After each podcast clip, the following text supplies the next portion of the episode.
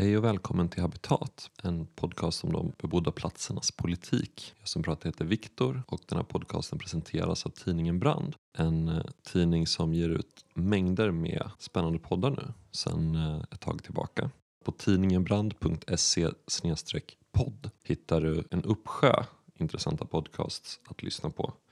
Utöver Habitat så hittar du podcasten Apans anatomi. Du hittar podcasten Röda Kvarn om filmer. Du hittar podcasten Den gyllene horden som handlar om den italienska autonoma rörelsens historia. Du hittar klimatpodden Klimatet eller kampen om tiden som görs av aktionsgruppen Hedvig. Du hittar Radio åt alla som görs av förbundet Allt åt alla.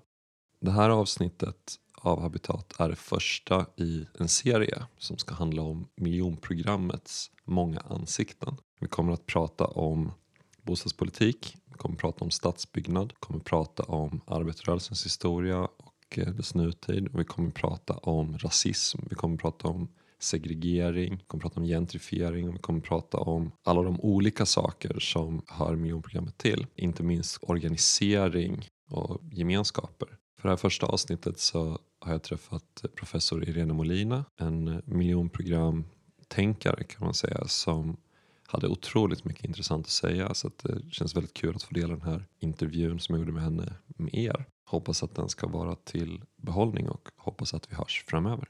Välkomna!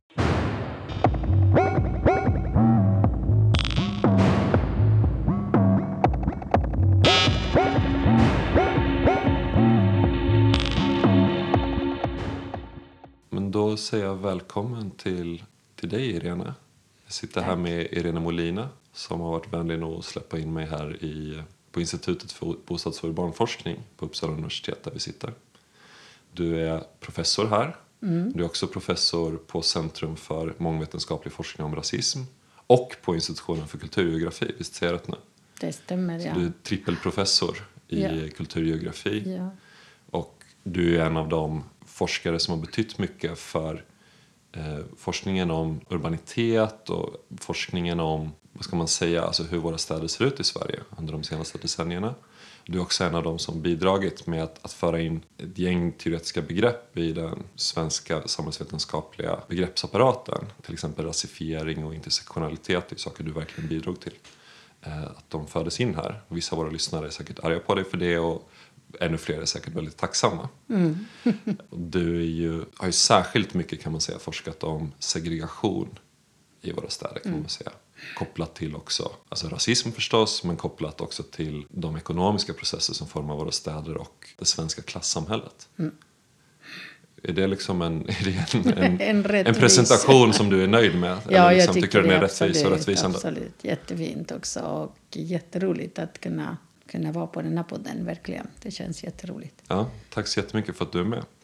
Tanken är ju att, att göra fler avsnitt eh, det här året om, om miljonprogrammet och dess många olika ansikten. Och min tanke är ju att du är en av dem som verkligen sitter på väldigt mycket kunskap om miljonprogrammet ur ett, ett kritiskt perspektiv kan man väl säga. Du är en av dem som verkligen har studerat det genom hela dess historia, alltså både dess startpunkt och dess aktualitet. Mm skulle vilja börja med att fråga dig. Det är ju en väldigt bred fråga på ett sätt. Men, men om du, med dina ord, vad skulle du säga att miljonprogrammet var mm. när det kom liksom mm. 1964-65? Mm.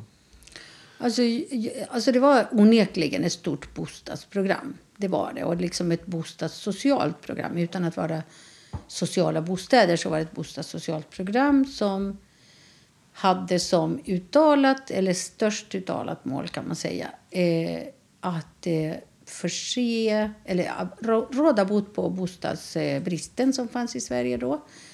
Eh, höja standard eh, på bostadsbeståndet och naturligtvis kanske det mest slagkraftiga uttalade målet var att förse varje hushåll i Sverige med anständigt boende. Oavsett inkomster, oavsett olika sociala, eh, sociala villkor. Eh, och det är det uttalade målet. Och, eh, och självklart är det det också, för att det lyckades. Alltså det, var ju, det, det blev ju en... Ett, eh, alltså resultatet blev det en miljon bostäder under tio år, precis som man hade eh, planerat att göra. Och väldigt hög standard, eh, både nationellt och internationellt mm. jämfört. Och...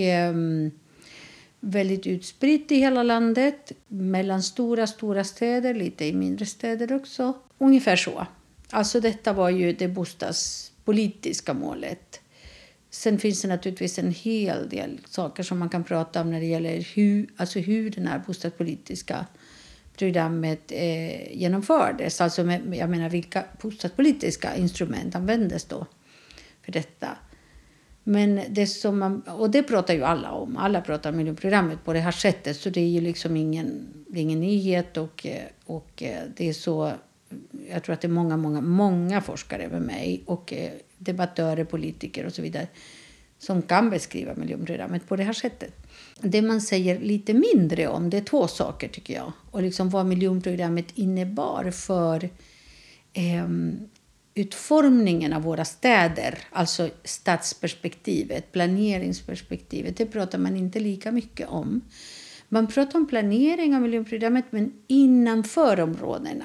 Okej, okay, vad bestod den här planeringsidealet av? Liksom, man pratar mycket om eh, trafikseparering som princip, att man skulle ha eh, tillgång, naturligtvis de som bodde i de här områdena skulle ha tillgång till service, skulle ha tillgång till skola, arbete till och med en viss del, i en viss eh, utsträckning. Eh, men man pratar sällan om vad det innebar för eh, hela staden som resultat. Och, och, och, och det här också, det, jag tänker att vi kan komma tillbaka till det. För att det har också väldigt stor eh, relation till en tredje, eller en tredje aspekt, eller den andra saken som man pratar väldigt lite om. Och det är vad eh, miljonprogrammet var för ekonomiskt politiskt program. Och vad, vad, vad han, alltså i vilken ekonomisk, politisk ekonomisk kontext miljonprogrammen ramades in och mm. vilka motiv som fanns ur politisk ekonomisk synpunkt. Alltså bortsett från det bostadssociala vad handlade det om? Och, eh, och det kanske vi kan prata lite om. Alltså, mm. Därför att eh, vi har ju liksom... Eh, och det här är ganska självklart också. Men det är därför jag inte förstår varför folk inte forskare som jag inte intresserar sig mera liksom, för det här. Därför att det är en ganska självklar sak. Alla säger historiker som, som eh, berättar om den här tiden då miljonprogrammet startade eh, som den här eh, industriblomstrande tiden då statskassan liksom börjar fyllas med resurser efter att ha varit ett väldigt fattigt samhälle en väldigt svag stat så att säga så blir det efter, eh, under andra världskriget och efter andra världskriget en helt förändrad situation och då har ju Sverige råd med att utveckla sin industri och så vidare. Allt det här vet vi. Mm, de så kallade rekordåren. Exakt, precis. Så pratar man om rekordåren. Och man pratar också om rekordåren för bostadsbyggande. Men vad man inte pratar om är vad, alltså relationen mellan vad som händer med kapitalet, alltså med, eh, med den ackumulerade vinsten som den privata sektorn har förskanskat sig under den här perioden och hur det investerades i miljonprogrammet. Alltså den länken är det ju superlite skrivet om. Och jag skulle säga nästan inget, alltså väldigt, väldigt lite. Mm. Och, det, och det är ju superintressant och superviktigt. Vad, vad, om man tänker på det liksom ur det perspektivet, eh, alltså ur, ur kapitalets synvinkel, man ska säga, vad, hur, ska, hur kan man då tänka kring den bostadspolitik som fördes innan miljonprogrammet, alltså när miljonprogrammet lanseras, vad, vad var det liksom för bostadspolitik? Mm, det, var, det var nästan ingen innan. bostadspolitik. Alltså det var en Nej. bostadspolitik som från eh, ungefär sekelskiftet 1800-1900-talet gav stöd, en viss, ett visst stöd till eh, privat, privat ägande. Alltså i den här så kallade eh, egna hemsrörelsen där eh, folk skulle få hjälp, helt enkelt ekonomiskt eh, bistånd och bygga egna villor helt enkelt, egna bostäder, e privatägda bostäder. Och då föddes ju naturligtvis det villa, villaägarsverige utifrån det här. Det här med eh, egna hemsrörelsen fortsatte i tiden och eh, det har varit en, en, av de, en av de tre upplåtelseformer som finns i Sverige, alltså äganderätt, bostadsrätt och eh, hyresrätt. Av de tre har det varit, skulle jag säga, den, den som har haft mest kontinuerligt stöd och eh, oavbruten stöd från staten mm. och, och, och liksom, eh, olika relaterade instanser. Så förutom det så fanns det egentligen nästan ingen bostadspolitik. Långt i, alltså en bit inne på 1900-talet så kom ju bostadsrättspolitiken. Eh, men bostadsrätten var egentligen ingen stor statlig investering utan det var ju precis som, som, som eh, man, man kallar det för kooperativa boende så var det kooperativ. Det var arbetarkooperativ som startade ju eget byggande. Eh, det fanns ideologiska, ganska liberala ideologiska motorer så att säga, bakom mm. detta. För man pratade ju om att man skulle få till och med arbetarklassen att känna sig som ägare, som bostadsägare. Så det var en, en, en mm. viss, så att säga, inte romantisering, men en, en principförklaring om att ägandet är bra. Ägande, privat ägande är bra och alla ska ha rätt till det. detta som om det skulle vara en rättighet så att säga, som man, man ska värna om. Men det tog ju väldigt lång tid innan den här eh, hyresrätten som eh, faktiskt som idé kom ju till tidigt på 30-talet. Men som materialiserades ganska långt senare. Därför att förmodligen, säger ju historikerna, därför att det fanns eh, för lite pengar helt enkelt i, i, i statens kassa. Då. Eh, och när tillfället gavs, då hade man den här... Eh, och då är det efter, krig, efter kriget pratar vi om. Eh, då fanns den här idén redan väldigt, väldigt välutvecklad. Vad allmännyttan skulle bli för någonting, eller borde bli för någonting. Det var som en idealbild av hur man skulle kunna hjälpa alla de som inte hade möjlighet att vare sig bygga egna hem eller liksom vara med i kooperativ. Men, men också liksom att det fanns ju de här två former av stöd för boende, för, för bostadsbyggande de var ju numeriskt inte tillräckliga. Så att säga. Så att det fanns ju en stor massa som inte hade tillgång till, bo, till, till bostadsmarknaden. Mm. Eller till bostadsförsörjning. Hur, hur, stor var bostadsbristen i Sverige i början av alltså 60-talet? Det var enormt, enormt. Det var ju, men ändå. Alltså det, det, det, det uppskattades till en miljon bostäder och det, det var därför man byggde. Men det var lite över överkanten av eh, den verkliga bostadsbristen. Och det visade sig snabbt när man hade liksom byggt, byggt eh, klart de här eh, miljonbostäder så, så var det faktiskt ett ganska stort överskott. Därför att det fanns ju, bostadsbristen var inte förmodligen inte jämnt eh, fördelad i, geografiskt. Eh, eh, och det var lite överskattat naturligtvis. Mm. De, de börjar ju bygga miljonprogrammet, som sagt det är väl 65 som är det första året det går igenom ja, riksdagen om det kom. Lanseras 64. Ja. Och det är ungefär samma period som, jag läste någon annan grej om det, som, som urbaniseringen i Sverige mm, blir precis, klar. Precis. Alltså att fram till ungefär 64-65 mm. så har vi en inflyttning till eh, från, vad ska man säga, från landsorten ja. eh, till orter landsbygden egentligen landsbygden. till städer. Eh, och sen från och med mitten av 60-talet har vi ungefär samma andel urban befolkning mm, som idag precis, i Sverige. Precis. Men att det som sker då är att det börjar ske en flyttning från mindre städer till större städer. Till större städer, precis. Den där sekundära flyttningen. Men eh, visst, är, absolut. Är det en del av varför eh, det blev liksom... Ja. Det inte blev som man hade tänkt sig med just det där bostadsbehovet?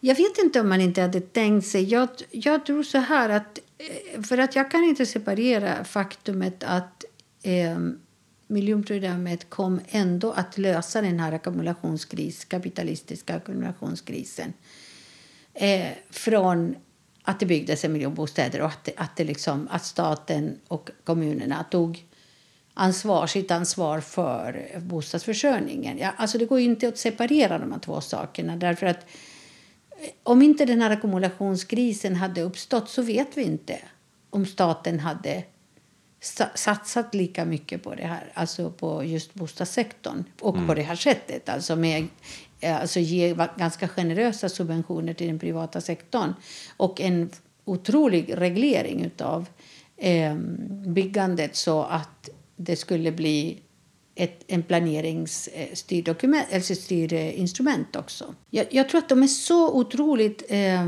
närbesläktade, de här två processerna. Att, eller de här två faktorerna, rättare sagt.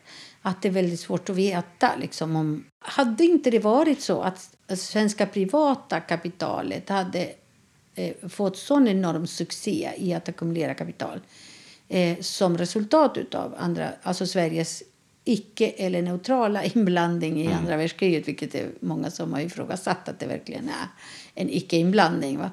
Hade inte de här vinsterna uppstått, då undrar jag om man hade, hade liksom löst bostadsfrågan, eller om man hade försökt lösa bostadsfrågan överhuvudtaget, även om bostadsfrågan redan var ett politiskt område i sig under många, många år, alltså sen tidigare. Vi har ju den här Eh, paret Myrdals arbete, befolkningsfrågan där, där boende, alltså Myrdal, eh, Gunnar Myrdal var ju väldigt aktiv i att försvara just till exempel allmännyttiga eh, upplåtelseformen som lösningen för att skapa någon rättvisa på bostadsmarknaden. Men också de hade alltid i sikte eh, det här med att vi hade haft en sån enorm utflyttning av befolkning till bland annat till USA. Och då behövde man behålla befolkningen här trots de ekonomiskt dåliga ekonomiska förhållanden. trots klimatförhållanden och så vidare. Så, så ville man behålla befolkningen. Och klart, finns det inga bostäder så är det svårt att göra det också. Va? När, när det, precis som du påpekar, när urbaniseringsprocessen hade tagit till så enormt liksom, eh, accelererat och, och omfatt, omfattande. Men jag tror inte att, att, att de inte går att separera. Och sen, alltså det andra är att, att det, här bostadsbyggandet var ju väldigt eh, omfattade så många ekonomiska områden. Alltså det var inte bara att bygga bostäder för dem som bodde i, i städerna utan det var också att sätta det här ekonomiska hjulet igång eh, med att in, blanda in alla möjliga, både produktiva eh, eh Eh, verksamheter, men, alltså eh, eh, företag. Men också finanskapitalet liksom blandades in så enormt aktivt. Och med ett, alltså det här är det sociala ingenjörskapet var inte bara att planera städer och att bygga bostäder på det här sättet utan det var också att kombinera alla olika ekonomiska intressen i ett och samma projekt och ett och samma intresse. Och det är helt fantastiskt. Alltså hur man kan göra något sånt. jag vet inte om det finns något annat liknande exempel i världen faktiskt. En planerad kapitalism. Den planerade kapitalismen. För om du ser, jag, det var ett arbete av eh, ekonomister som eh, kart, gjorde en sån kart, eh, kartering utav eh, kapitalet på 60-talet, hur det fördelades och just, just hur olika delar av kapital eh, eller privata sektorn hade inblandning i olika delar av bostadsbyggande. Och det är helt fantastiskt. För det är, det är ju företag som återkommer hela tiden. Stora företag som eh, Husqvarna, Ericsson eh, och sen eh, finansmarknaden, olika ekonomiska grupper. Och då pratar man om de 17 dynastierna i Sverige, alltså ekonomiska dynastier de har ju sina tentakler mer eller mindre så att säga eh, satta på de olika delarna och allt hänger ihop. Alltså man byggde, man byggde ju motorvägar förstås och vägar, eh, kollektivtrafiken, man byggde ju, men också byggde man upp och, och skyddade väldigt mycket den inhemska produktionen av bilar till exempel och av vitvaror. Eh, så samtidigt som man eh, höjde standard för lägenheterna och, och bostäderna, att man sa ja det måste, man, måste, man ska ut, alltså utrusta helt enkelt badrum, kök och så vidare och alla möjliga utrymmen i både i eh, lägenheten men också kring lägenheten. Tvättstugor och uteplatser och så vidare. Alltså alla de här produkterna skulle förses av den sven inhemska svenska ekonomiska sektorn, alltså mm. produktiva sektorn. Eh, och där bakom fanns de här finans, eh, den finan, finansvärlden, så att säga, där också statliga eh, finansinstitutioner deltog naturligtvis väldigt aktivt därför att man skulle också administrera eh, subventioneringen utav eh, ja, flera olika eh, former men kanske det mest kända är ju eh, räntesubventionerna som de som byggde bostäder för miljonprogrammet eh, alltså var berättigade till. Så Mm. att, eh, och, och där använder man jättefina instrument för att eh, fördela det här på ett rättvis, eller vad ska man säga, utjämnande sätt, menar socialt utjämnande sätt som funkade ganska bra. Så att, men man får inte glömma att det här, och det är det jag menar, det uttalade målet var ju att bygga bostäder och råda bot på eh, bostadsbristen och höja standarden. Men det mindre uttalade målet var ju att sätta det här ekonomiska hjulet igång så att den privata sektorn skulle få återinvestera de här stora vinsterna som ackumulerades och var på väg att skapa en ackumulationskris som man använder sig av eh, marxistisk teori. Och här är det också ett arbete på, ja, lite tillbaka till vad du sa tidigare, med här, eh, att miljonprogrammet började när urbaniseringen var i princip klar. Eh, där är också arbeten av David Harvey som är så otroligt avgörande för att förstå den här processen. För han säger precis detta. Du kan inte förstå eh, kapitalismens utveckling utan att förstå urbaniseringens processer och vice versa. Du kan inte förstå urbaniseringsprocesser utan att förstå liksom, hur kapitalismen fungerar. Och jag tycker att den svenska modellen på bostadsbyggande med miljonprogrammet i fokus Alltså det kan inte finnas ett bättre så att säga, kanske någon slags laboratorie liksom, eh, fall för att förstå detta. Eh, just den här för, det här förhållandet som Harvey med grund i marxistisk teori säger. Då. Så att eh, Sverige är ett fantastiskt exempel för att kunna göra en sån här eh, analys. Just det. Det, Om man tänker ur andra synvinkeln då, liksom, som vi, du, du beskriver det här ur, ur kapitalets synvinkel nu på ett sätt så liksom. Om man tänker mer ur, ur arbetarklassens synvinkel. Så vad var miljonprogrammet ur, ur en arbetarståndpunkt? eller vad man Ja, precis. Där finns det två, tycker jag, väldigt intressanta aspekter. Och en är att eh, ja, det här skulle vara hem för arbetarklassen i första hand. Det här var inte tänkt för att medelklassen skulle flytta in. Det hände ändå i och med att det fortfarande i början av miljonprogrammet så var det fortfarande många som flyttade från mindre städer eller landsbygden till de större städerna. Så att eh, där var ju allt möjligt. Det var medelklass och det var ju arbetarklass. Va? Men medelklassen började flytta ut så fort de bara kunde. Därför att de här ju, områdena blev ju eh, övergångsområden från början kan man säga. På grund av olika saker. Alltså på grund av att, av att de stigmatiserades väldigt tidigt. Alltså de blev väldigt stigmatiserade redan början på 60-talet. Alltså innan man hade börjat ens bygga. Så hade man börjat prata om de här områdena som far, alltså inte kanske farliga och, och problemfyllda som man gör nu naturligtvis. Det, men man pratade om de områdena som eh, någon slags eh, fara för de människor som, bodde, som skulle bo där. Därför att de skulle bli... Det var den här idén som fanns då att storstäderna var farliga för människor helt enkelt. Och mm. framförallt förorts, förortsbyggande skulle skapa eh, anonymitet, psykisk ohälsa, eh, asocialitet som man kallar det och så vidare. Avvikande beteenden och etc.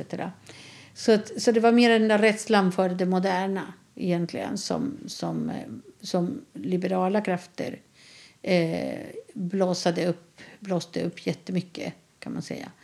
Så det var, det var ju av den anledningen men också för att medelklassen hade resurser för att kunna flytta, eller skulle så småningom, liksom, de som flyttade in till städer så småningom skulle kanske utnyttja de här eh, eh, subventionerna för att bygga egna hem och flytta till en villa. De studier, det är inte många, men de studier som har gjorts i Sverige på just preferenser av bostäder visar ju att alla i princip, både arbetarklass, medelklass, överklass, egentligen vill bo i, i, i hus, liksom i, i, i eh, vad heter det, fristående hus, inte, mm. i, inte i flerbostadshus. Det är klart det finns en massa undantag och liksom, det är väldigt mycket reglerat av vilken livssituation man har och eh, generations eh, Eh, frågor och sådär. Men i regel så är det faktiskt så att eh, eh, alla, oavsett klass, tillhörighet, oavsett etnicitet, oavsett kön, vill faktiskt bo i fristående hus. Men, men det är inte alla som kan göra det. Utan där, där är naturligtvis klassfrågan otroligt central. Det var, det var den ena aspekten, va? Alltså att det skulle vara hem för arbetarklassen. Den andra som är jätteintressant ur, ur eh, arbetarklassperspektiv är att de som byggde bostäderna, eh, det var ju byggnadsarbetare, de skaffade sig ett, en enorm styrka genom fack, eh, facklig aktivitet. Alltså byggarbetarnas eh, eh, fackliga organisationer var enormt stora och starka. Och de kunde verkligen sätta press mot arbetsgivarna. Och de skaffade sig superbra eh, villkor kan man säga jämfört med övriga delar av arbetarklassen. Eh, det bildades där en ganska privilegierad grupp kan man säga inom arbetarklassen. Och eh, många skämtade med att eh, byggarbetaren den, eh, han hade liksom Vila, Volvo och Vove liksom, och började mer eller mindre bo som en som är medelklass liksom, är borgare.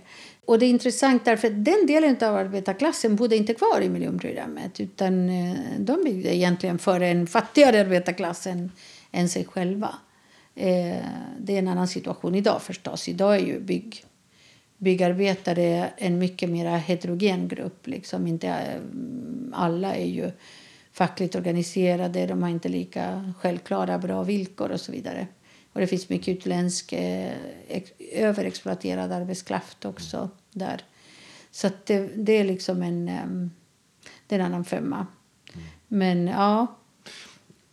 Jag har hört dig hävda också i något annat sammanhang att, att det också var ett sätt att bygga in klassen, klassstrukturerna mm, i staden. Det, precis, och då kommer den här Alltså anledningen till det är den här eh, andra aspekten som jag sa att man inte pratar så mycket om. Och det är man, ser, man pratar om planering ut, innanför området men man pratar väldigt lite om planering av hela staden. Och eh, om man använder återigen liksom, eh, marxistisk litteratur särskilt eh, David Harvey så det man gjorde i Sverige var en, eh, att materialisera en förortisering av staden. Alltså alla miljonprogram med mycket få undantag, några undantag byggdes i kanterna av städerna. Och det blev ju naturligtvis en expansion av staden och det blev ju en, en helt annan liksom, geografisk eh, landskap av det urbana. Så arbetarklassen flyttades ut helt enkelt till från centrala lokaliseringar. Okej, okay, det var ju väldigt eh, eh, ner liksom, slitna och eh, usla, usla villkor helt enkelt. Alltså Eh, för arbetarklassen som bodde i centrala delar av stan. Men de hade en privilegierad lokalisering så att säga med, med dagens ögon liksom sett. Så det var ju en form av displacement, det var en form av bortträngning av arbetarklassen. Det, det är liksom en väldigt intressant företeelse därför att det var egentligen inte gentrifiering från allra första början utan det var att få bort arbetarklassen i första hand. Sen gjorde man det man skulle göra liksom med de här eh, centrala delarna av städerna som ökade i status och värde också så småningom. Alltså renovera, eh, anpassa till en mycket mera, eh, till en mycket mer välmående del av befolkningen.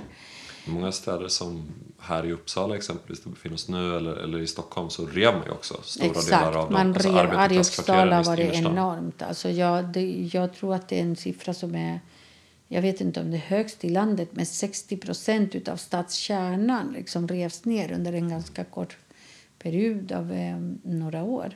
Och det var ju de, precis de områdena där arbetarklassen bodde. Precis, precis. Så det var alltså en bortträngning av arbetarklassen från centrum utan dess like. Alltså det är väldigt, väldigt eh, eh, omfattande, väldigt, väldigt, väldigt snabb. Och jag skulle säga att den var som en chock. Liksom. Men alltså, folk reagerade inte, folk eh, protesterade inte heller därför att man fick ju så bra bostäder. Liksom, verkligen. Alltså, bostäderna var väldigt bra. Högt kvalitativa, hög standard. Dyra var de, men, eh, men det var bra bostäder. Och det var ju bra, ganska hög konsumtionsförmåga. Det var liksom rekordåren och det var eh, folk hade det liksom relativt bra ställt oavsett eh, var man var någonstans. Så det, det gjorde kanske att den här bortträngningen gick lite smärtfritt kan man säga, att man inte protesterade. Eh, man protesterade för andra saker, för att det var ju för dyrt helt enkelt om man skulle eh, sänka hyrorna. Men jag tror att eh, som jag har sett i alla fall så var folk väldigt nöjda med, med de här nya lokaliseringarna. Men vad man gör idag är att det, det är två nivåer. Va? Dels så bygger man segregationen. Alltså man bygger den på två olika sätt. Dels är det den här förortisering, man expanderar städerna, det är förorter, dit och flyttar arbetarklassen. Det här är en period då det kommer mycket invandring till landet också. För att man 1970 så öppnade man mer eller mindre gränserna för flyktinginvandringen. Så kommer det folk från hela världen. Och, eh, och naturligtvis så ökar den befolkningen. Som, eh, eh dessutom är det ju en, eh, en befolkning som är synlig. Alltså det är inte eh, mer synlig än den tidigare som var eh, eh, nordeuropeer, finländare framför allt men också eh, syd, sydeuropeer men som ändå var europeer. Så att säga. Nu kommer ju folk från afrikanska länder, från latinamerikanska länder, asiatiska länder. Och då börjar liksom den här eh, eh, vad ska man säga, någon slags rasstruktur i det här landet liksom förändras dramatiskt. Och självklart ska de liksom eh, flyttas dit därför att det är där bostäderna finns. Eh, så det blir en blandning där att arbetarklassen flyttar ut till de här områdena men också den, eh, det som jag kallar den rasifierade befolkningen. Eh, och då blir de här strukturerna rasifierade, alltså bostadsmarknadsstrukturen eller bostadsstrukturen. Men också rasklass, eh, eh, klassras så att säga, mm. är, är väldigt mycket eh, bestämda. I och med att invandringen tilltar också och särskilt till de här områdena så börjar folk flytta på ett, av ett, en annan anledning också. Va? Så att eh, även arbet, de inom den svenska arbetarklassen som bodde i de här områdena som hade råd att flytta där, de börjar göra det. Och det börjar liksom en, en ganska accelererad eh, eh, vad ska man säga, rytm eller eh, takt för utflyttningen. Eh, så det blir ju en segregation som är, som är som bara tilltar helt enkelt. Eh, både klassmässigt och eh, etnisk segregation. Men eh, på, på den andra eh, skalnivån, det som händer innanför de här områdena är att Alltså när man byggde de här bostäderna, när man, när man liksom formulerade miljonprogrammet så, och de här räntesubventionerna som vi pratade om tidigare eh, så uppdelade man det här för att kunna, för att kunna bygga både för arbetarklass men också en del till medelklass eller lägre medelklass, övre medelklass i form av bostadsrätter. Men även äganderätter byggdes under miljonprogram. Då var de inte avsedda i första hand till arbetarklass men som sagt, vissa som hade kanske bättre, bättre villkor, bättre löner och så vidare kunde ju eh, eh, flytta till de här egna hem också, eh, villaområdena. Men det, det största, största jag skulle inte säga misstaget, för att jag tror inte att det var helt omedvetet och helt oavsiktligt var att separera de här tre upplåtelseformerna geografiskt. Alltså man separerade eh, äganderätter från bostadsrätter och i sin tur från eh, allmännyttiga hyresrätter. Och vi vet att det är tre olika sociala grupper som bebor de här olika upplåtelseformerna. Förutom att det är olika typer av bo bostäder också. Därför att äganderätter är ju nä nästan uteslutet eh, små hus, fristående hus. Villor. Kooperativa, alltså bostadsrätter, är ju blandade flerbostadshus och eh, radhus och även villor förekommer, men eh, i mindre utsträckning.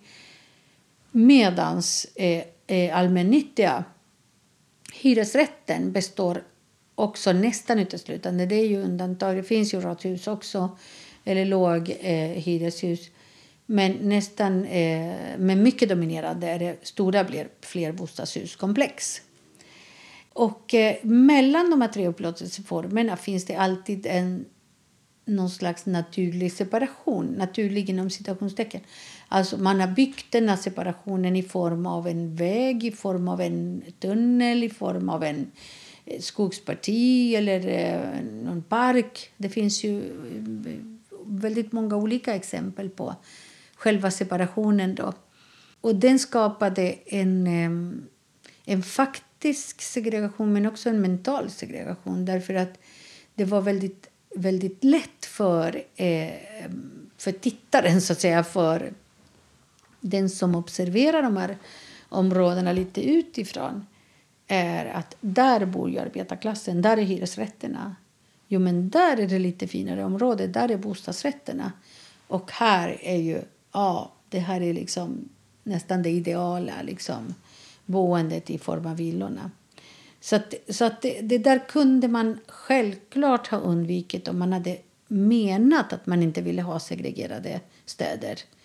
Så, så jag ställer mig väldigt kritisk till det och väldigt undrande. Alltså, ville man verkligen undvika segregationen eller ville man helt tvärt emot eh, bygga, bygga segregation, bygga mm. segregerade städer? Och, och där finns det faktiskt eh, lite, lite ambivalenta uttalade hållningar till detta också. För att eh, som man skriver eh, i offentliga dokument, man, är ju, man vill undvika segregation, det är inte bra, människor mår inte bra.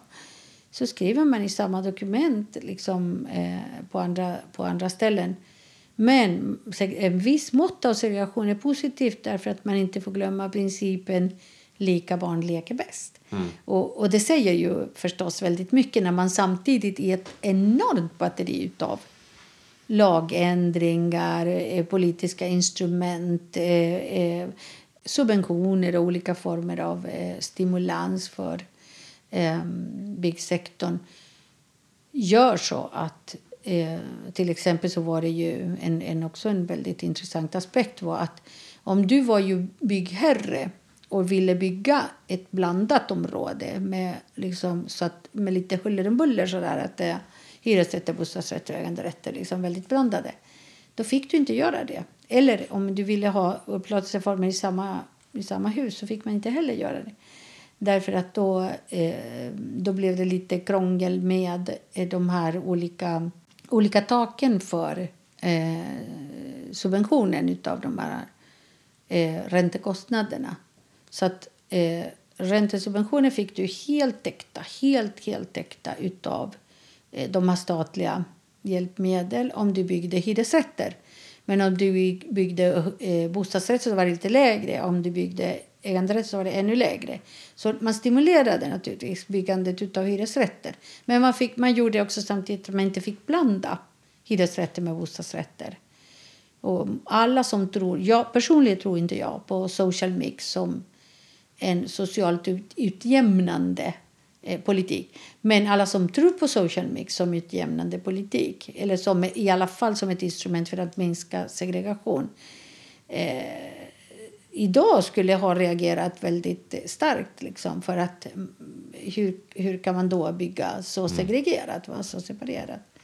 Jag vet ju inte exakt hur det gick då, men idag är det mm. verkligen någonting som förs fram ofta. Men då exakt. kanske oftare som ett argument för att bygga bostadsrätter i områden där man, alltså gamla hyresrättsområden där markvärdena nu stiger. Alltså Exakt. att det mer är som en murbräcka för att få in medelklassen i arbetarklassens ja. område. Ja. Men det finns ju en del forskning i, i, jag vet att det finns ett par studier i Storbritannien där man har tittat på eh, barn som växer upp i familjer med låga inkomster och jämför då om man växer upp i ett blandat område med om man växer upp i ett ett in, område med låga inkomster. Mm, mm. då ser man ju faktiskt bättre psykisk hälsa, bättre skolresultat och mindre mm. kriminalitet mm. bland de som växer upp Exakt. i områden med lägre yeah. inkomster. Så de som växer upp i liksom ett mer blandat område, ett medelklassområde, mm. de mår sämre mm. och har liksom sämre liv på de flesta sätt. Verkar det som. Så yeah. Det är ju en tveksam, en tveksam hypotes. Ja, alltså, och jag tror att det beror väldigt mycket på att eh, det bygger på den här väldigt liberala och kanske till och med nyliberala idén av att, eh, att välstånd sipprar ner sig. Liksom, ungefär som att det skulle inte vet jag, smittas av. Liksom, att bara du Precis. bor bredvid en rikare person så, Då blir du lite så blir du lite rikare. Men det är Då självklart får man göra något mer absurt. handgripligt. Ja, exakt. Ja, men precis. Ja. Jo, men jag, precis. Det, jag känner till också den eh, typen av studier faktiskt. Ja. Från olika håll. Att det, det finns ju, idag så finns det ingenting som bekräftar den här... Eh, det är fortfarande en tes liksom att, eh, att social mix skulle vara bra för någonting. Ehm, precis som det är också en tes som inte har lyckats eh, bevisas något ehm, märkvärdigt i alla fall den här ehm, grannskapseffekter. Alltså neighborhood effects. Mhm. Just precis som... Eh, det, alltså den här tesen om social mix bygger Ah, okej. mycket på det också. Eller Ah. de, de Att man liv- lyfter varandra livnär varandra. Precis, exakt. Att det liksom... Ja, att det påverkar dig och dina, dina förutsättningar i livet, vad du växer i. Och det är en självklarhet att det gör, men det gör kanske inte för att just för att du bor i de områdena, utan det gör för att du bor i... Du kommer från en fattig hushåll liksom Mm. Då, då, fin, då är möjligheterna att, att, att göra de här liksom succé karriärer i framtiden. Nu är ju naturligtvis, eh, det visar ju all social forskning. Liksom. Det är ju mer, alltså det, det kämpigare, så att säga. Det är mycket svårare om du inte har alla resurserna som överklassen har liksom, till sina barn. Va? Precis, och nu har vi liksom börjat röra oss framåt i tiden ju, eh, liksom i miljonprogrammets historia. Men om vi tänker på just det här som du pratar om här, liksom, alltså rasifieringen av miljonprogrammet. Är ju det sällan någonting som, vad ska man säga, träder fram explicit i alltså hur, alltså bilden av miljonprogrammet i, i media eller i liksom den offentliga politiska diskursen eller sådär. Men det är ju någonting som man inte behöver vara professor i kulturgeografi Ja, för att ändå ja, kunna absolut. märka av, eller hur? Absolut. Eh, men, men liksom vad, du som ändå tittat närmare på det där, liksom, alltså vad, hur skulle du beskriva den förändrade bilden av Mm. miljonprogrammet liksom, eh, genom 70, 80, 90-talet? Mm, ja, det är en jättebra fråga. Vi har ju gjort tillsammans med några kollegor så har vi följt upp det där. Först med ett par etnologer, Per-Marco Ristilami och eh, Urban Eriksson. Så skrev vi en rapport. Vi gjorde en superomfattande studie av massmedierepresentationen i form av eh, papperstidningar. Från 1960 startade vi slutade 2000. Och då kunde vi se den där, eh, vi kallar det för gene- genealogi, alltså den här processen och med olika etapper, olika, olika dominerande diskurser, olika dominerande idéer om eh, bostadsområdena. Och då ser vi att i början, eh, första perioden, är det enbart sociala aspekter som förekommer och man nämner absolut ingen skillnad mellan eh, fattiga svenskar och fattiga svenskar så att säga, utan det är bara fattiga svenskar. Och de är offer, alla är offer för de här hemska, hemska så att säga, bostäder som byggs och sådär. Så är representa- den dominerande representationen. Sen på, in på eh, 80-talet ungefär så börjar vi märka att det börjar, de här inslagen om etnicitet och liksom avvikande rasmässiga liksom drag och så vidare. Kulturella också, mycket kulturella drag. Eh, börjar, börjar uppstå. Och det är ju i samband med att eh, jag kommer inte ihåg vilken tidning det är men alltså konstaterar en, en tidning att i Rinkeby så är det 30% av befolkningen eh, utländska medborgare. Står det. Och, och det var ju en sån här stor skandal för att vi är ute, vi är liksom, följer precis samma spår som de här getton i USA och så vidare. Va? Så man börjar varna för vad som komma skall. Den bilden börjar liksom explodera kan man säga av eh, annorlunda områden på grund av eh, den invandrade befolkningen. Men alltså den här kulmen ser vi på 90-talet, alltså mitten på 90-talet så ser vi att det är, eh, det är inte bara människorna utan det är områdena som är rasifierade. Alltså eh, människorna har, har liksom eh, stigmatiserats sedan länge. Invandringen har varit en stigmatiserande fenomen från början i Sverige. Alltså det är ingen som har sagt i Sverige någonsin, i dominerande röster menar jag, välkomna alla invandrare, här är ju liksom, det är liksom, det har alltid varit eh, starka röster emot invandringen. Eh, och de starka rösterna har eh, lyckats mer eller mindre. Och nu ser vi med resultaten, alltså med eh, Sverigedemokraternas enorma frammarsch eh, så ser vi att det, det har ju lyckats, den där eh, budskapet av att invandrare är ett problem. Invandring är ett problem, invandrare är problem. De är överrepresenterade i eh, brottsstatistik, de, är, de lever på eh, socialbidrag etc. etc, etc. De är opolitliga. Alltså exakt samma representationer av eh, afrikaner eller eh, andra liksom, folk än svenskar från 30-talet. Alltså, så det, man, alltså det, det, har inte hänt så mycket tyvärr, det har blivit bara mm. värre. Men i alla fall så, eh, det som hände på 90-talet när, när vi ser en ett, ett genombrott där i de här eh, medierepresentationerna är att nu börjar områdena bli problemområden, så kallade. Så att man säger, problemområden var de från början på grund av sociala skäl eller av sociala argument. Men på 90-talet, mitten på 90-talet så började de bli eh, på grund, alltså problem på grund av invandringen och den befolkning som bebor de här områdena. Så de blir ju ett mer eller mindre, befolkningen och, och området. Mm på så sätt att eh, framåt 2000-talet och sen har jag tillsammans med en kollega här, Karin Backwall, som har skrivit en avhandling om just stigmatisering så har vi konstaterat att det som händer är att man, börjar, man pratar mindre och mindre om de människor som bor där och mer och mer om områdena själva. Liksom. Och då är det, det områdena som är parias, samhällets parias kan man säga. Och då pratar man om dem som är utsatta. Ja, först är det problemområden, så är det segregerade områden, utsatta områden, eh, sårbara, särskilt utsatta områden. Särskilt utsatta områden. Och vissa debattörer eh, väljer till och med att prata om no-go areas eller no-go zones.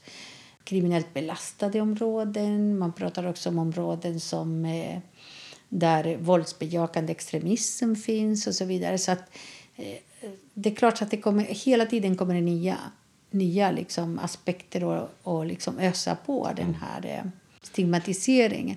Och det har satt sina enorma spår. Alltså, mm. De områdena är ju... Jag, jag, har en tes där. Jag säger att det är ju inte... Alltså det här är inte heller utan vidare. utan eh, När det väl blev så att de här områdena blev en koncentration av fattiga hushåll, en koncentration av personer med utländsk bakgrund Eh, och de rasifierades alltså och, och exkluderades socialt också. Då var det nästan fritt fram att göra vad som helst med de här områdena. Det är ungefär som eh, Agamben säger om det, den eh, nakna människan. Jag säger det här blir de nakna områdena. Liksom. Det är mm. som det kamp, alltså som eh, vad heter de här eh, lägren. Därför att man kan göra vad man vill. Man kan sända liksom super liksom, militärutrustade poliser för att plocka upp en kille som har sålt såna här pirattillverkade cd-skivor till exempel. Vi har ju exempel på det i Gottsunda i Uppsala. Eller där man kan liksom eh, skapa en situation av upplopp genom att använda övervåld utav ingenting. Alltså och det var exemplet på det som hände i Gottsunda återigen 2009 eh, i augusti då det var en, en eh, Alltså sån här, eh, Gottsunda kom ju ut i riksmedia och sen internationell media också. Och det var ett gäng killar som hade stått där på en parkeringsplats och bara hängt. Alltså i, i sensommar. Vilket är ju väldigt, väldigt vanligt. Men de här killarna var ju förstås mörkhyade killar. Och, eh, och de pratade på olika språk och de pratade högt. Och så, då, så kommer polisen och börjar provocera, provocera, provocera. Eh, killarna tjafsar tillbaka.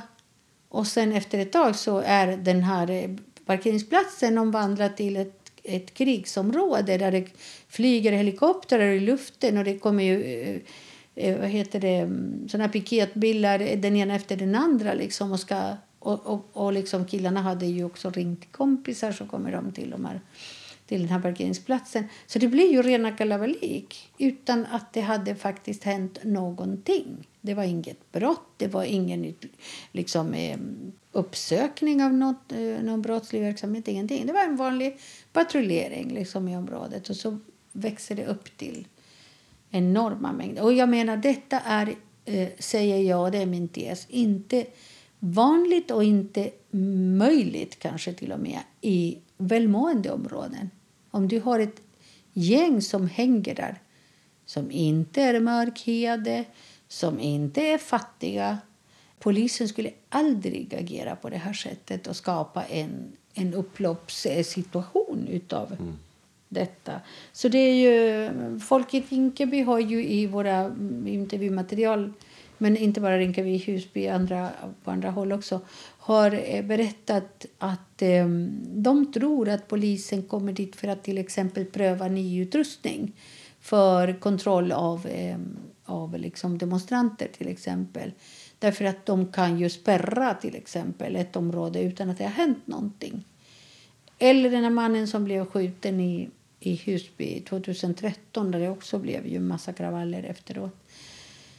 Alltså, eh, polisen som är faktiskt en, en, institution som representerar staten och som har eh, monopol till våldet eh, agerar på särskilda sätt i just de här områdena. Mm. Alltså de här områdena är diskriminerade lika mycket, minst lika mycket som dess befolkning är diskriminerad på arbetsmarknaden, på bostadsmarknaden, i kulturlivet, eh, offentliga rummet etc. Så det, det är liksom en, en, eh, en symbios mellan områdena och människorna i den här rasifieringsprocessen processen där klass spelar en enorm roll. Och Det är jätteviktigt att påpeka. för när, när, när man pratar om rasifiering av staden så pratar man naturligtvis per automatik utav också en klassuppdelning och en klassegregation som möjliggör också så att säga, den här eh, formen av stigmatisering. Är du bekant någonting med Akille Mbembes ja, arbete om ja, mikropolitik? Ja, absolut, absolut. Kan det vara ett exempel på det? Alltså Precis. just det här området ja. där befolkningen vad ska man säga, alltså blir föremål, görs till föremål ja. för våld Precis. på det sättet i Precis. egenskap av att befinna sig på platsen. Ja, absolut. absolut. Och då är det ju precis. Och det, och, och det liksom knyter väldigt mycket an med det här eh, Alltså människan utan rättigheter helt enkelt. Och nekropolit, ne, nekropolitiken är ju just det här med... Alltså det, det, det är kroppspolitik eh, som är enormt diskriminerande för det sätter ju, gör enorma skillnader mellan folk och folk. Och eh, de, de här människorna är egentligen väldigt få som bryr sig om. Alltså nästan inga som bryr sig om. Jag menar på, makt, eh, på maktnivåer. Mm. Så det är ju eh, visst och det är därför det finns inga fritidsgårdar, eller väldigt lite.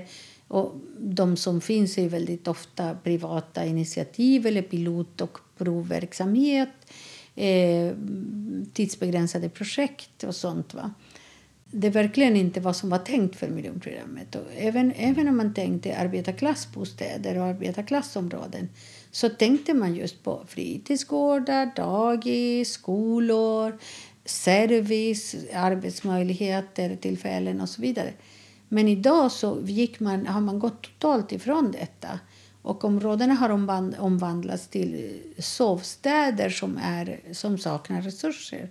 Saknar liksom eh, service, saknar arbete, saknar eh, kvalitativ undervisning och, eh, och just det här med meningsfullhet för eh, ungdomar att ha någonting att göra så att säga, utanför skolan. Men alltså att bli sedda, blir, att bli eh, hörda och eh, att eh, myndigheter bryr sig om ungdomar. Det har vi inte sett på ganska länge i, i, i Sverige. Och det är förstås, det, är ju, det kommer att kosta. Liksom. Det, man betalar ett pris också som samhälle.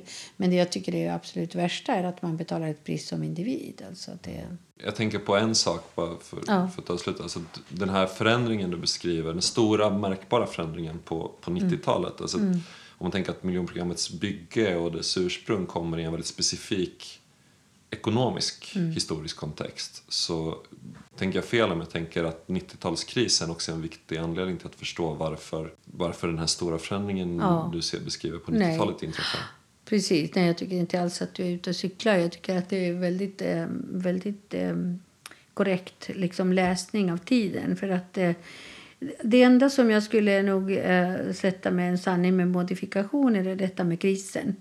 Därför att Sverige gick ju eh, medveten, helt medveten in i EU-gemenskapen. Då. Eh, och eh, detta innebar att Sverige skulle ge upp en hel del av sina eh, även om det var socialdemokratiska, reformistiska liksom, eh, politiska eh, principer så, så var det ändå principer som eh, utjämnade ganska mycket så att säga, för befolkningen eh, i Sverige. Men man gick ifrån det och i, i och med att man går ifrån det så skapar man en kris naturligtvis. För man måste ju sänka sociala utgifter, utgifter, man måste sänka löner, man måste öka arbetslöshet. Eh, när man sänker sociala utgifter så måste man överge helt enkelt stora samhällsområden som staten har ju varit eh, eh Eh, den viktigaste bärande för. Man privatiserar, man eh, eh, decentraliserar. Eh, framförallt så avreglerar man väldigt mycket i namnet av effektivisering, rationalisering och så vidare. Men det som händer i slutändan är att krisen betalas av människorna helt enkelt. Alltså det är stora skillnader mellan en, en kapitalackumulationskris som inträffade på, på liksom 50-60-talen och den här finans, de, olika, de olika finanskriser som vi har haft eh, de senaste decennierna. Men just 90-talet ser jag det går inte att läsa 90-talet utan, i Sverige utan alla uppoffringar och alla eftergifter som inträdet till EU orsakade. Och detta var ju naturligtvis mer än medvetet. Alltså, man visste vad man skulle ge sig in på. Man visste liksom vad man skulle offra, helt enkelt. Och det var ju inte nationen som offrade. Alltså det var inte alla, utan självklart kommer det här att skapa eh, sociala klyftor och liksom bestraffa naturligtvis de som hamnar längst ner i den här privilegiumskalan. Mm. Man anar liksom ett, ett, ett framtida poddavsnitt här i en obestämd framtid om, om EUs betydelse för den svenska bostadssituationen mm. och framtida bostadspolitiken framöver, eller hur? Ja, men men det, det får vi utveckla en annan mm, gång. Exakt, eh, ja. En obestämd framtid. Ja, ja. Eh, jag tänker att vi behöver avrunda här. Tack så jättemycket för din tid. Det har ju varit en, en eh, superintressant timme. Mm. Det är säkert eventuella lyssnare helt eniga om. Så tack så jättemycket Jag hoppas Irene. det. Tack Viktor, det var ju väldigt trevligt. Har du någon grej du vill säga som, eh, som avslutning? Ja, en väldigt kort avslutning är att du var inne på i början av det med intersektionalitet och, jag, eh, och det stämmer och jag tror att en viktig sak som jag vill gärna och fortsätter jobba med eh, är just att den här tanken om att Alltså att man måste ju hålla de här bollarna i luften för att förstå faktiskt både det som händer i de här områdena som, som är de här eh, som är stigmatiserade, som är ju eh, syndabockar för allting som händer i samhället eh, och som faktiskt förorsakas någon annanstans än just i de här områdena. Eh, och också för att förstå det som händer i samhället i stort och just hur de här eh, HUR men också stadsutveckling i största allmänhet. Eh, hur, hur liksom den eh, är en som bestående del av kapitalismen helt enkelt och i sin nuvarande nyliberala nyliberala form. Så att intersektionalitet är jätteviktigt. Och ett av de spåren som eh, jag studerar nu, det är flera, va? men det är mycket med finansialisering, renovräkning och sådana saker som händer just i de här områdena också, igen. Va? Nu är det de som är så att säga, de centrala delarna av städerna kan man säga i motsvarighet. Men också genus, alltså det som händer. Vet, en sak som man eh, aldrig tror jag har velat heller se på i Sverige är att det finns en bostadsmarknad som är genus eh, organiserad helt enkelt och bestämd. Eh, där det spelar roll liksom vilket, vilket kön man liksom konstrueras som för att vilka, vilka positioner sen du får i, eh, på bland annat bostadsmarknaden. Arbetsmarknaden vet vi väldigt, väldigt bestämt och väldigt eh, utförligt. Men bostadsmarknaden har varit en, en gråzon där som man inte har vetat så mycket om. Och vi ser nu faktiskt i ett eh, forskningsprojekt som pågår och kommer att leverera resultat ganska snart då, att det finns att det spelar roll att det spelar roll och det spelar roll i en integrerad, integrerad form. Alltså klassförtryck hänger ihop med eh, rasism och det hänger ihop också med sexism och patriarkat. Och det ser man i städerna. Det ser man i miljonprogramsområdena också. Eller i segregationsmönstren. Så det är intressant. Det är ju en superintressant aspekt på det. Det ska bli väldigt spännande att se vad, vad, som kommer då eh, för forskning om Mm. det helt enkelt. Nu får det bli nästa Det podd. blir cliffhanging Ja, just här på det. slutet. Precis. Ja. Okej, tack så jättemycket Tack Irene. själv. Tack.